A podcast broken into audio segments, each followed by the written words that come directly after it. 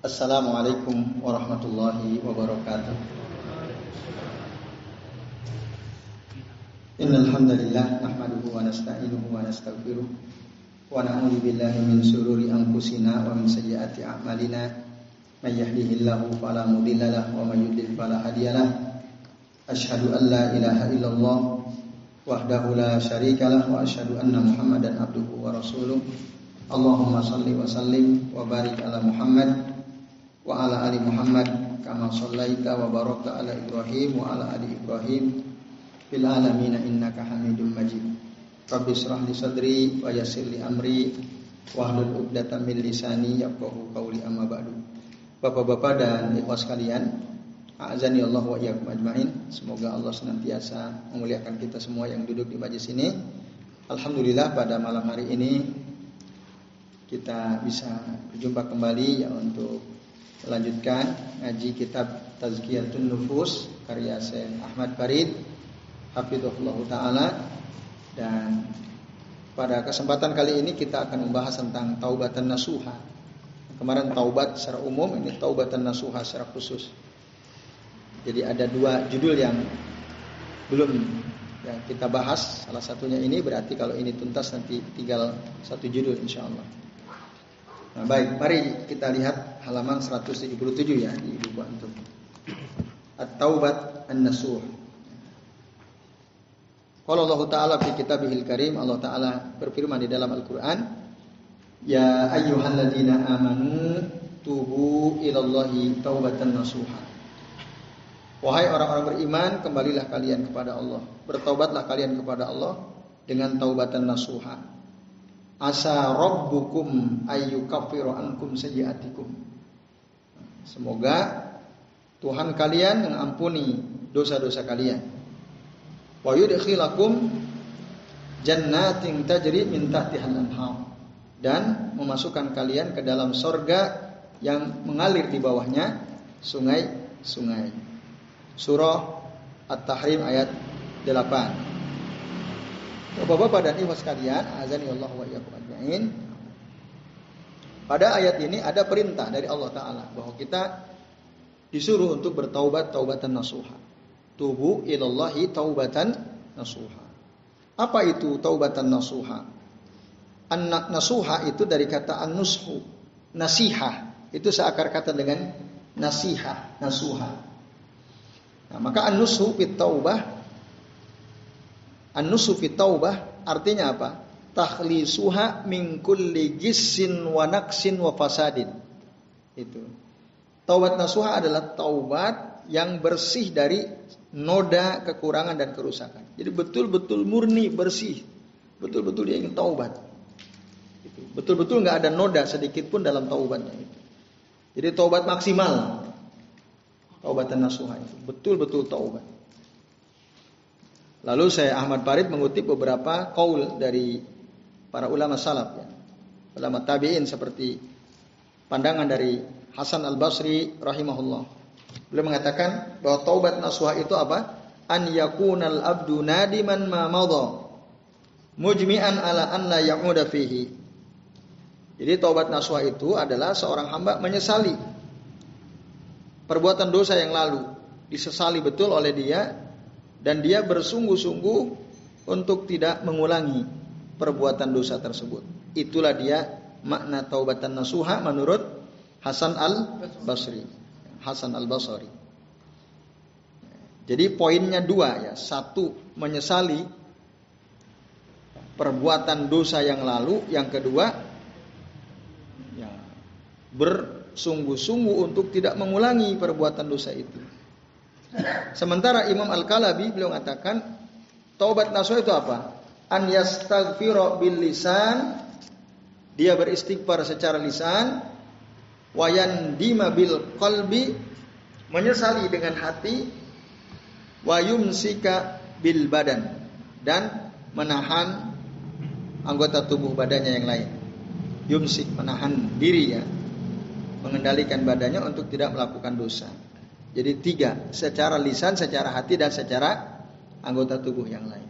Itulah makna taubatan nasuha menurut Al-Kalabi. Nah, sementara menurut Said bin Al-Musayyab rahimahullah mengatakan, belum mengatakan taubatan nasuha itu adalah apa? Tamsihuna biha anfusakum. Jadi taubatan nasuha itu adalah kalian senantiasa menasehati ya, diri kalian. Itu makna yang paling ringkas ya dari Sa'id bin Al-Musayyab. Itulah makna taubatan nasuha. Jadi seseorang itu senantiasa menasehati dirinya. Kemudian Ibnu Qayyim beliau mengatakan an-nusu fi taubah ya. An-nusu fi taubah yatadammanu salasata asya. Kemurnian dalam bertaubat, maka taubat nasuh itu taubat yang murni gitu. Itu mencakup tiga perkara. Yatadammanu salasata asya. Satu apa? Ta'mimud dzunub wastighraquha biha bihaitsu la tada' La tada'u dzamban illa tanawalatu. Yang pertama adalah takmim az-dzunub wastighraquha, mencakup seluruh dosa. Di mana tidak ada satupun dosa tidak ada satupun dosa yang tertinggal kecuali dia pasti bertaubat ya, memohon ampun kepada Allah taala. Itu taubat nasuha. Jadi Ya Allah ampunilah seluruh dosa-dosa hamba. Seluruh dosa-dosa. Tidak ada satu yang tinggalkan. Baik yang disengaja ataupun yang tidak. Baik yang disadari atau tidak. Baik yang diketahui atau tidak. Itu yang dimaksud takmim. Jadi seluruh perbuatan dosa kita mohon ampun kepada Allah. Nah orang yang taubatan nasuha itu begitu. Tidak ada sedikit pun dosa yang tersisa kecuali dia ya memohon ampun dari perbuatan seluruh dosanya kepada Allah taala. Itu yang maksud ta'mim adz-dzunub wastighraquha biha haitsu la yad'u dzamban illa tanawalat. Illa tana illa tanawaltaha. Ya, itu. Illa tanawaltaha. Illa tanawaltahu ya. Kecuali ya semua yang engkau lakukan engkau minta ampun kepada Allah taala. Lalu yang kedua ijma'u al-azmi was-sidq bikulliyatihi. Atau bikul bikiltaihi ya bikiltaihi alaiha. Maksudnya apa? Ya. Dia bertekad dengan sungguh-sungguh ya, ber apa, bulat tekadnya dan kejujurannya untuk bertaubat tadi bihaitsu la yabqa indahu taraddud wala talawum di mana tidak ada tersisa keraguan sedikit pun dalam dirinya. Gitu. Dia betul-betul bulat tekadnya, jujur betul dia bahwa dia ingin bertaubat. Nah itu bapak-bapak dan ikhlas sekalian, azan ya Allahu wa iyyakum ajmain. Jadi nggak ragu betul-betul saya mau taubat. Kalau ada orang saya taubat gak ya? Taubat gak ya? Gak deh. Nah itu. Orang yang ragu dalam bertaubat berarti bukan taubatan nasuha. Obat nasuh betul dia betul-betul sungguh-sungguh. Tekadnya bulat. Jujur dia pada dirinya bahwa saya ingin bertaubat kepada Allah Subhanahu wa taala. Nah, ini Bapak Ibu dan jamaah sekalian ya. Kemudian yang ketiga adalah tahlisuha minas syawaibi wal ilal al-qadihah fi ikhlasiha wa wuku'iha. Memurnikan atau membersihkan dari semua kotoran dan penyakit yang bisa merusak keikhlasan dia dalam bertaubat. Nah, jadi ya, dia betul-betul ikhlas seluruh kotoran penyakit hati yang bisa merusak keikhlasannya dia hilangkan, dia buang. Sambil dia menjaga rasa takutnya kepada Allah taala. Dan berharap mendapatkan kebaikan dari Allah Subhanahu wa taala. Takut mendapatkan azab Allah Subhanahu wa taala. Nah, itulah makna taubatan nasuha. Bukan seperti taubatnya orang karena dia punya kebutuhan.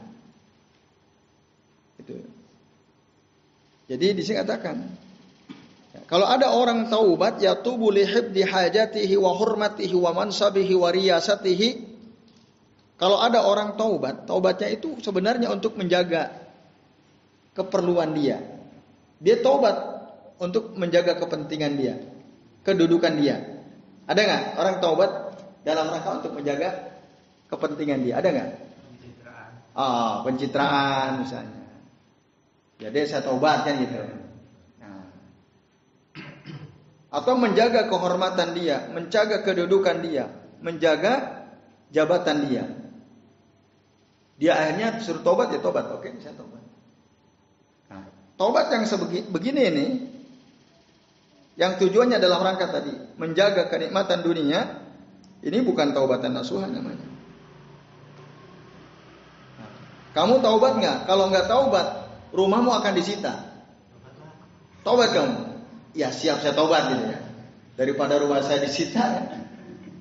Daripada saya diturunkan dari jabatan saya ya, mending saya taubat aja. Nah, maka taubat yang begini ini bukan taubatan nasuha, berarti itu ada asyawaib. Sawaib, ya, kotoran-kotoran ya. Yaitu kepentingan du, duniawi tadinya. Nah, ini Bapak-bapak dan Ibu sekalian. Hah? Dilancarkan rezekinya. Bertaubat supaya dilancarkan rezekinya. Ah.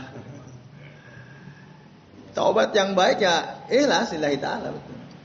Itu kan nanti bonus ya. Tanpa diminta pun ah, gitu. Orang yang bertaubat banyak istighfar kan Allah yarzuquhu min haitsula yahtasib. Allah akan berikan kepadanya rezeki dari arah yang tidak disangka sangka. Udah nggak usah kita minta itu. Ah. Ah, ah. Nah, merusak bisa jadi. Karena taubat itu kan kita merasa banyak dosa. Taubat itu kan kita merasa banyak dosa. Kita ingin supaya Allah ampuni dosa-dosa kita. Itu. Nah, itu nanti kalau dipisah boleh aja. Nah, jadi jangan sampai taubatnya supaya rezeki lancar. Berarti kalau aku rezekiku nggak lancar ngapain taubat kan gitu? Repot sekali. Nah, jadi nawar dia. Ya Allah saya taubat, tapi tolong rezeki saya lancarin kan. Kalau enggak saya nggak jadi taubat deh. Gitu. Jadi kayak gitu itu otomatis. Kan man lazimal istighfar. Orang yang senantiasa beristighfar mohon ampun kepada Allah Taala. Salah satu keutamanya apa? Nah, tadi yarzuquhu Allah akan berikan rezeki kepadanya min haisula yahtasib dari arah yang tidak disangka. Sangka.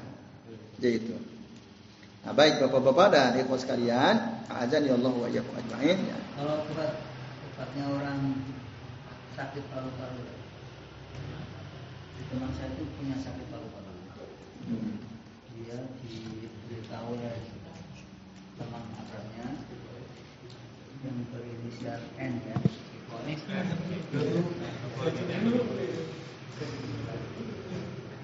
supaya meninggalkan rokok dan dia tidak merokok lagi. Terus? Kenapa kalau saya tidak merokok? Saya soalnya kalau parah kalau merokok terus. Saya tidak merokok. Itu taubat karena Ya itu bukan taubatan nasuha kalau gitu. Ah. Ya intinya ya itu bukan taubatan nasuha amal kita puasa agar sehat. Ah, ya, sama kedudukannya. Gitu. Ya enggak dong. Dokter menyuruh tidak merokok. Hmm. Karena paru-parunya sudah hmm. baik lah ya. Ya, ya, ya. Dan dia manu. Hmm. sekarang jangan merokok lagi. Hmm. Perintah dokter itu merokok. Ya udah jelas itu bukan perintah Allah yang ditaati kan. Rokok itu sebenarnya makhluk apa? Ya haram. Rokok itu haram. Karena meru merusak. Siapa pun pasti tahu kalau rokok itu merusak. Bahkan perokok pun tahu kan kalau itu merusak. Bahkan produsen rokok saja udah menjelaskan. Di bungkus rokoknya itu ditulis, dijelaskan sangat jelas. Maka segala perkara yang bisa merusak diri sendiri itu haram. Kan dalam Al-Quran jelas, la tudlu anfusakum ilat tahluka. Jangan kalian jerumuskan diri kalian kepada kebina, kebinasaan. Ya, lah kok kita menjerumuskan diri kita pada kebinasaan, yaitu haram. Gitu. Ada orang bilang, wah itu nggak nggak haram, makanya tetap merokok. makruh. Kalau dia betul-betul takwa, yang makruh pun ditinggalkan. Maka kalau ada orang rokok enggak haram terus piye? Makruh. Itulah. Nah, kalau dia masih melakukan perkara-perkara yang dilarang dalam arti makruh, berarti dia belum betul-betul takwa. Karena takwa itu imtisalu awamirihi wajtinabu nawahihi. Mentaati semua perintah Allah dan Rasulnya baik yang wajib maupun yang sunnah dan menjauhi seluruh larangan Allah dan Rasulnya baik yang haram maupun yang. Bahkan ada kan sebagian kelompok orang dia kayaknya bangga sekali ngerokok. Kalau santri itu rokoknya mantap sekalian katanya. Lah, gitu. Padahal jelas-jelas rokok itu merusak. Nah ini ya. Jadi itu Pak Nasir kalau tujuan dia berhenti merokok.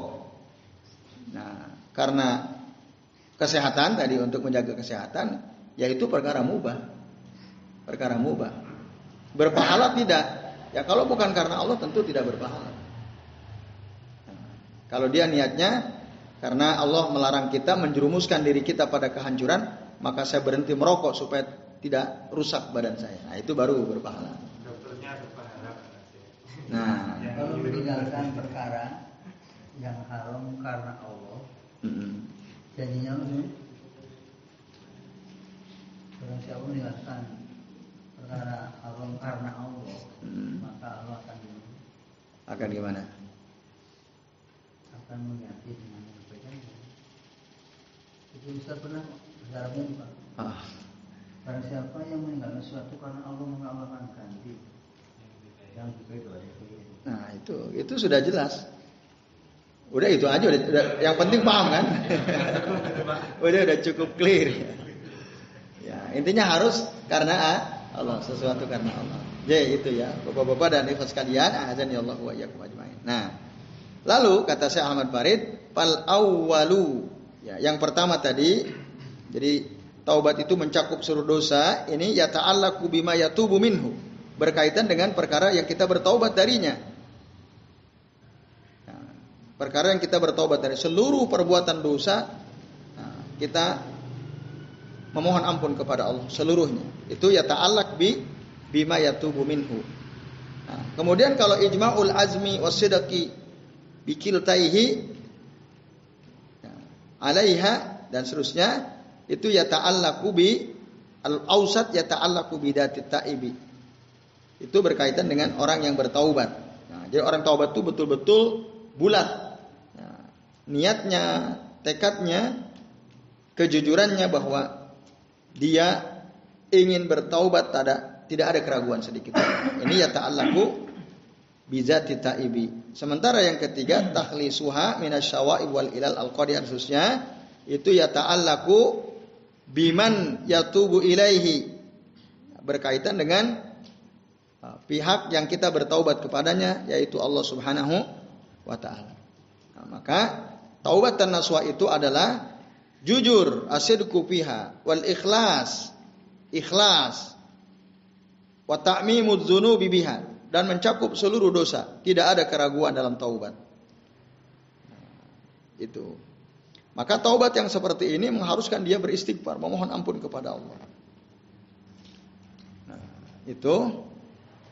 Nah, maka taubat yang seperti ini istighfar yang tujuannya ada taubatan nasuha dia ya tamhu jami'ad dzunubi wa hiya akmal ma yakunu minat taubah. Akan menghapuskan seluruh dosa dan dia lebih sempurna daripada hanya sekedar taubat gitu. Taubatan naswa itu ya dari seluruh dosa. Dia lebih sempurna. Jadi taubat dengan taubatan naswa berbeda ya. Jadi, kalau taubatan naswa betul-betul dia mohon ampun pada Allah dari seluruh perbuatan dosa, seluruh. Biasanya kan ya tadi ya Allah hamba mohon Ya, ampun kepada engkau. Terimalah taubat hamba dari seluruh dosa-dosa hamba yang hamba tahu, yang hamba tidak tahu, yang hamba sadari, yang tidak hamba sadari. Dan seterusnya. Jadi seluruhnya. Nah, itu yang disebut taubatun taubatun nasuha, taubatan nasuha. Nah, kemudian Bapak-bapak dan ikhwas sekalian dikatakan wa taubatul abdi ilallahi mahfuzatun bi taubatin minallahi alaihi. Taubatnya seorang hamba kepada Allah itu mahfuzah. Mahfuzah itu terjaga. Bi taubatin minallahi alai dengan taubatnya Allah untuk dia. Jadi Allah membuka pintu taubatnya untuk dia. Qablaha baik sebelumnya wa taubatin min min ba'diha. Dan taubat dari setelahnya. Maka taubat itu ya, baina taubataini min rabbih sabiqah wa lahiqah fa innahu taba alai. Nah, itu ya Bapak-bapak dan Ibu sekalian, a'adzani Allahu wa iyyakum ajmain. Jadi ya, taubat itu kenapa? Jadi Oh.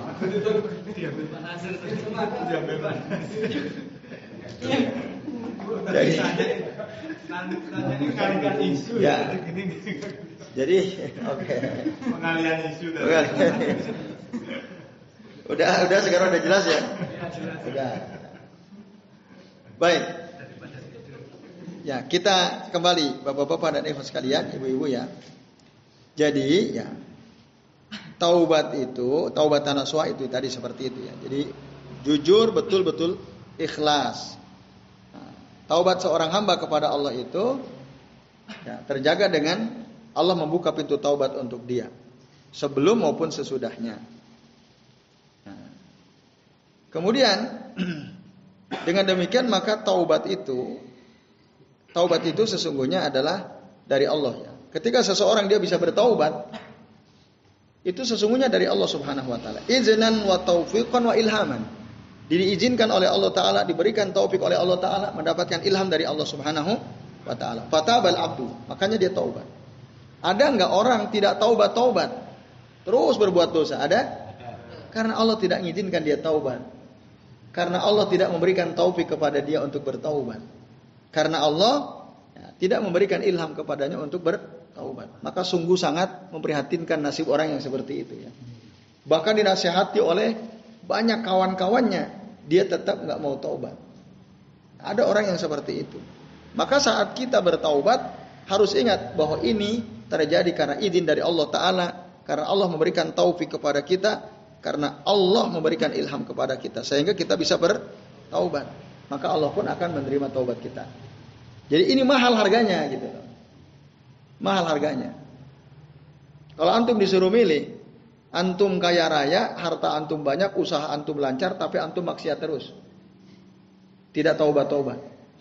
Atau ya, atau habis semua usaha antum, hancur semua bisnis yang antum apa bangun sejak muda, tapi setelah itu antum betul-betul selalu mendekatkan diri antum kepada Allah Subhanahu wa taala. Bertaubat dari seluruh dosa-dosa antum.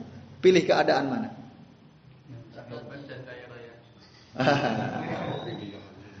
Pilihannya cuma dua. ya. Tapi itu jawaban orang pintar itu ya. Taubat tapi tetap kaya kaya raya. Itu kan ada. Kalau ini minat tawabi.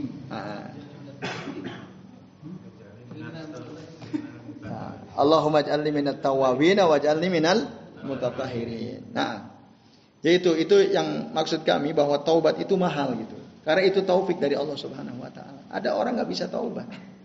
Dinasehati berkali-kali tetap nggak terbuka hatinya. Nah, orang yang kayak begitu itu berarti tanda hatinya kotor. Orang hatinya kotor itu dinasehati nggak bisa masuk masuk. Nah, maka bersyukurlah Bergembiralah orang-orang yang dia bisa taubat karena berarti dia mendapatkan taufik dari Allah. Berarti dia diizinkan oleh Allah untuk bertaubat. Nah, maka Allah akan membuka pintu taubatnya untuk orang tersebut. Nah, yang kedua, kobulan wa isabatan. Jadi ketika seseorang bertaubat itu akan diterima taubatnya, bahkan dia akan diberikan pa pahala. Orang yang bertaubat itu ya, dia akan diberikan pahala oleh Allah Taala udah diterima taubatnya, orang bertaubat ya. Itu taubatnya pasti diterima. Kalau dia betul-betul taubat dan nasuha. Dan selain itu dia akan mendapatkan pahala. Ini sesuai dengan firman Allah Ta'ala dalam Al-Quran. Ya. Disebutkan dalam surah apa ini? At-Taubah ayat 118 ya. Qala Allah Ta'ala Allah Ta'ala berfirman wa 'ala salasatil ladina khulifu hatta idza dhaqat 'alaihimul ardu bima rahubat. Nah, gitu ya. Juga bagi tiga orang yang tidak ikut pergi perang, khulifu, tidak ikut pergi perang, perang Tabuk. Siapa tiga orang as-salasa yang maksud di sini? Yang pertama Ka'ab bin Malik, yang kedua Mirarah bin Rabi, yang ketiga Hilal bin Umayyah. Ini yang disebut as-salasa dalam ayat ini. Yang mereka tidak ikut berperang perang Tabuk bersama Nabi hatta idza daqat alaihimul ardu bima rahubat sehingga ketika bumi terasa sempit bagi mereka yang tadinya lapang wa daqat alaihim anfusuhum dan diri mereka merasa sempit wa dhannu alla malja'a minallah dan mereka mengira tidak ada tempat kembali tidak ada tempat berlindung. Kecuali dari Allah ya. Allah malja. Tidak ada tempat berlindung kepada Allah illa ilahi kecuali hanya kepada Allah. Summa taba alaihim. Lalu Allah ya, membuka pintu taubat kepada mereka tubuh supaya mereka bertaubat innallaha huwa tawwabur rahim. Sesungguhnya Allah itu zat yang Maha penerima taubat dan Maha penya, penyayang. Kisahnya tahu kan Ka'ab bin Malik? Ya. Gara-gara tidak ikut perang Tabuk padahal mereka mampu. Didiamkan oleh Rasulullah, dan oleh para sahabat bahkan oleh keluarga mereka, istri-istri mereka. Selama berapa? Khamsuna yauman, 50 hari. Coba, menderita nggak itu? Nggak ada satupun orang yang mau ngobrol sama kita. Setiap kali ketemu dia berpaling dari kita. Dicuekin kita selama 50 hari oleh seluruh warga kampung, bahkan keluarga sendiri, teman akrab kita sendiri, istrinya, istrinya sendiri. Karena perintah dari Nabi SAW. Nah, itu masalah pribadi itu ya. Mungkin gara-gara selingkuh kalau itu ya. Kan tidak ada nama yang disebut kan. Aktornya juga siapa? Nah, baik. Baik, Bapak-bapak dan ibu-ibu serta jauh sekalian itu ya. Maka akhirnya Allah memberikan kabar, Allah menerima taubat mereka. Nah, sabakot taubatuhum bahkan pintu taubat Allah ya itu lebih dulu daripada taubat mereka. Nah itu wa anna allati ja'adathum taibin. Bahwasanya taubat Allah itulah yang menjadikan mereka bertaubat. Fakana fakanat sababan ya muktadiyan li taubatihim. Nah ini pintu taubat Allah dibuka itu menjadi sebab yang mendorong mereka untuk bertaubat. Wa hadzal qadru min sarri ismaihi al awwal wal akhir dan ya, ini merupakan rahasia dari kandungan nama Allah Subhanahu wa taala yang disebut salah satunya yang di antara nama Allah adalah al awwal wal wal akhiru al awwal wal akhiru jadi sebelum kita taubat, Allah sudah buka pintu taubatnya agar kita mau bertaubat. Ketika dibuka, akhirnya kita jadi mau taubat kepada Allah Taala. Nah itu Allah itu lebih dulu membuka pintu taubatnya supaya kita bertaubat. Allah lah yang memberi taubat, Allah menolong kita untuk bertaubat. Karena dari Allah lah as-sabab dan Allah lah al-musabbab. Sebab seseorang bertaubat, musababnya Allah. Kenapa kok dia bisa taubat? Ya karena Allah memberikan taufik kepadanya untuk bertaubat. Musababnya Allah, sebabnya karena pintu taubat Allah buka. Maka seseorang jadi tahu taubat. Wal abdu tawwab. Wallahu tawwab. Seorang hamba ya, dia harus berusaha menjadi orang yang sering bertaubat. Nah, tadi dalam Al-Qur'an, innallaha yuhibbu at-tawwab, tawwabin. Tawwab itu artinya sering bertaubat. Tawab itu isim mubalaghah namanya. Ada huruf Ya, terus menerus. Tawab, maka di dalam Al-Qur'an dan itu menjadi salah satu doa setelah wudhu itu ya. Allahumma ij'alni minat tawabin waj'alni minal mutatahhirin. Dalam Al-Qur'an innallaha yuhibbut tawabin wa yuhibbul mutatahhirin. Sesungguhnya Allah mencintai orang-orang yang sering bertobat dan Allah mencintai orang-orang yang senantiasa bersuci. Ini Bapak-bapak dan ibu sekalian. Jadi al-abdu tawwab, Allahu tawwab. Fataubatul abdi dan taubat seorang hamba itu apa? Ruju'uhu ila sayyidihi.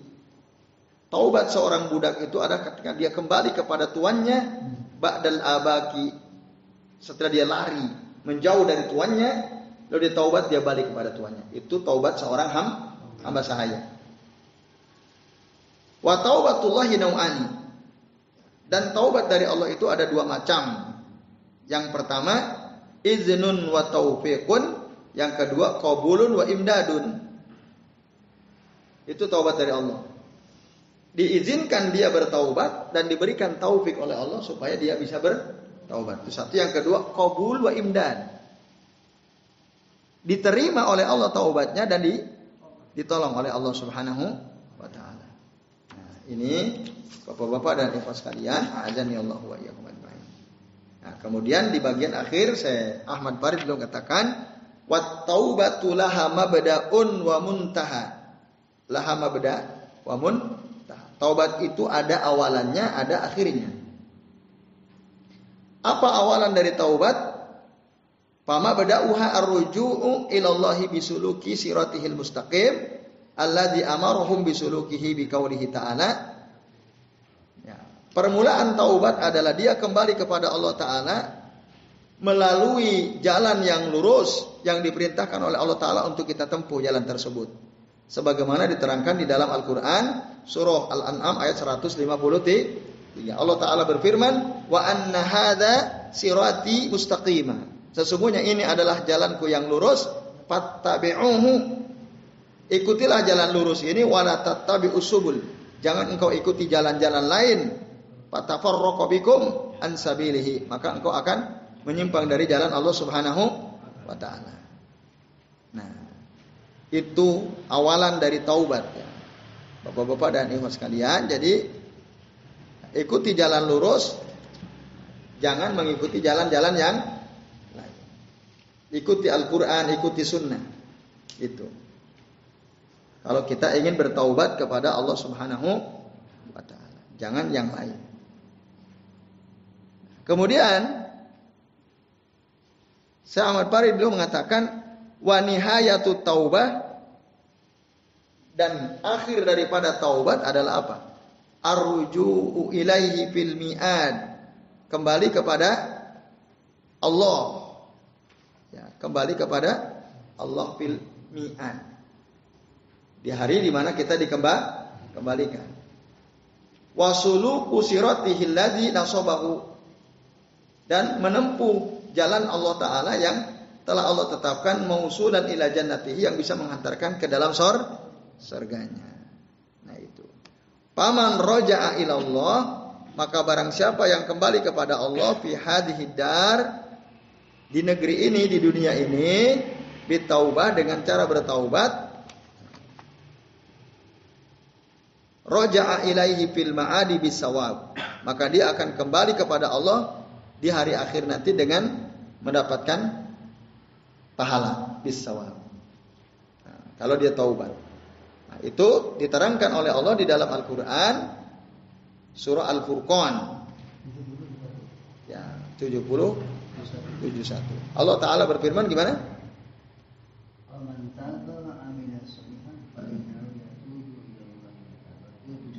Nah, 70-nya illa man taba wa amana wa amila sayyi'atin hasanah. Berarti 71 72 gitu ya. Ini ayat 71 ini kan? 71 72. Kalau di sini dikutip hanya satu ayat yaitu ayat 71. Wa man taba wa amila shaliha. Barang siapa yang bertaubat dan beramal soleh, fa innahu yatubu ilallah. Maka sesungguhnya dia telah bertaubat kepada Allah mataba dengan sebenar-benar tau taubat. Nah, ini Bapak-bapak dan ibu sekalian, azan ya Allah wa iyyakum ajmain dalam surah Al-Furqan ayat 71. Itu. Inilah yang disebut dengan taubatan nasuh. Jadi unsurnya ada berapa tadi? Tiga. Satu apa? Mengikrarkan Satu berkaitan dengan perbuatannya. Jadi bertaubat dari seluruh perbuatan dosa, seluruhnya. Tak tersisa kecuali kita pasti bertaubat kepada semua, tidak dipilih-pilih. Nah, itu itu unsur yang pertama. Yang kedua apa? Pelakunya gimana? Hah? Ya. Dia si pelaku dosa itu betul-betul bertekad jujur ya untuk bertaubat kepada Allah dan tidak ragu-ragu. Itu yang azam, azam. Azam, azam. Mau sojone ketun. Hmm. Menyesali. Anak-anak tuh. Oh, nadam, nadam. Nadam. Ya itu. Ya tadi ini ini unsur taubat dan nasuh itu satu terkait dengan perbuatan dosanya, jadi seluruhnya. Ya orang kalau dia taubatan nasuh berarti dia minta ampun dari seluruh dosa itu maksudnya. Yang kedua, pelakunya. Berarti kalau orang taubatan nasuha dia betul-betul bulat tekadnya, jujur dia mau bertobat, ya, mau bertobat dan tidak ragu-ragu ragu untuk taubat pada Allah Taala. Itu taubatan unsur taubatan nasuha. Yang kedua, yang ketiga apa? Ikhlas. Zat yang mencintai. Oh. Ya, itu kaitannya dengan apa? Ikhlas. Dia ikhlas betul-betul bertaubat hanya kepada Allah, gitu ya. Jadi tidak kepada yang lain tadi. Takhlisuhu takhlisuha minasyawa'i wal ilal al-qadihah fi ikhlasiha dan menjaga rasa takut kepada Allah Azza wa Jalla. Nah, inilah dia Bapak-bapak dan ikhwas kalian serta ibu-ibu ya yang ya diterangkan dalam bab kitab bab ini taubatan nasuha tadi. Nah, jadi kalau kita membaca diri kita sendiri ya mengkorek apa namanya? Muhasabah ya. Muhasabah terhadap diri sendiri apakah kita sudah taubatan nasuha apa belum? Nah kalau sudah sudah enggak unsur-unsur ini tadi terpenuhi? Misalnya Allah saya tobat dari seluruh perbuatan dosa saya kan gitu tadi teknisnya begitu taubatan nasuha itu Lalu saya ya Allah betul-betul saya ingin taubat ya Allah. Saya tidak ragu lagi saya betul ingin taubat kepadamu ya Allah dan hamba bertaubat karena engkau ya Rabb. Karena hamba disuruh olehmu di dalam Al-Quran tadi ayat berapa? 8 surah At-Tahrim tadi ya. Watubu ilallahi taubatan nasuha. Nah, kalau kita ikhlas bertaubat kepada Allah, ingat ayat ini tadi. Surah At-Tahrim ayat 8. Ya ayyuhalladzina amanu tubu ilallahi taubatan nasuha. Asa rabbukum an yukaffiru sayyi'atikum an yukaffiru ankum sayyi'atikum wa yudkhilkum jannatin tajri min tahtihal. Nah, ya, saya kira ini Bapak-bapak dan Ibu sekalian, ya Allah wa iyyakum ajmain ya. Jadi orang kalau taubatan nasuha itu harus bersyukur. Dia berarti dapat taufik dari Allah taala. Dan pasti dapat pahala gitu. Orang yang bertaubat itu. Jadi nggak rugi. Ya Jangan susah untuk bertaubat. Apalagi beralasan dengan takdir. Ya ini kan takdir saya saya jadi penjahat. Ya memang takdir Allah saya ditakdirkan oleh Allah jadi ya jadi orang yang nggak benar seperti ini kan. Nah itu nggak boleh ya berhujah dengan tak takdir lalu dia nggak mau taubat. Nah, itu namanya dia ngikutin hawa nafsunya. Jadi monggo Pak, Pak Dari silakan. Ya tadi kan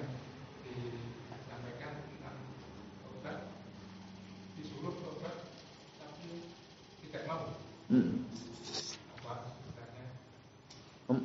Menentang. Hmm. Apakah itu bukan termasuk dalam kategori sombong? Hmm. Bisa dimasukkan.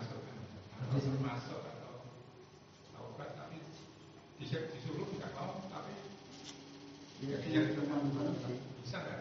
Menolak di bisa bisa karena sombong itu kan indikatornya dua. Nah, batorul haqqi wa ghamtun nas. Apa itu batalul hak? Menolak kebenaran. Orang nasihati supaya kamu taubat dia tolak. Berarti kan sombong. Beliau kamu itu taubat. Karena Al-Quran jelas, ya ayuhalladzina amanu tubu ilallahi taubatan nasuha. As. Obat obat obat misalnya. Berarti orang yang menolak untuk bertaubat padahal sudah dinasihati, dia orang som sombong. Karena dia batalul hak, dia menolak kebe kebenaran. Yaitu pada termasuk dia termasuk sombong. Nah, Allah a'lam bishawab. Kalau disuruh tobat jawabannya sekolah nanti. Why? Aku masih muda. Nanti kalau usiaku udah 75 tahun gitu. Ya, 60 Atau 60 tahun. Ya ini keliru tadi. Nah. Majunya kalau ngomong ini orang pas. Nah. pendengar ini orang tua tua, bapak ibu. Tinggal Pak Nasir sendiri. Pasnya orang tua ya. Kok kamu ngangguin ya? Ya ini pembahasan yang harus didengar oleh orang muda maupun orang tua. Nah, kalau orang tua taubat mungkin wajar lah. Udah mau mati kan gitu. Udah dekat kepada kematian kan gitu. Biasanya kalau yang masih muda kan mikirnya masih jauh, usia saya masih panjang gitu ya. Biasanya orang pada umumnya begitu. Tandanya taubat diterima itu apa? Supaya saya bisa mukul. Tanda-tanda taubat diterima apa? Ketika dia gampang bertaubat.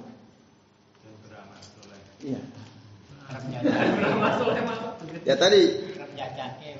Ya, Ya itu itu sesuai dengan ayat tadi surah Al-Furqan ayat 71 kan tadi Allah bilang wa man taba wa amila salihan fa innahu yatubu ila Allahi mataba kan itu.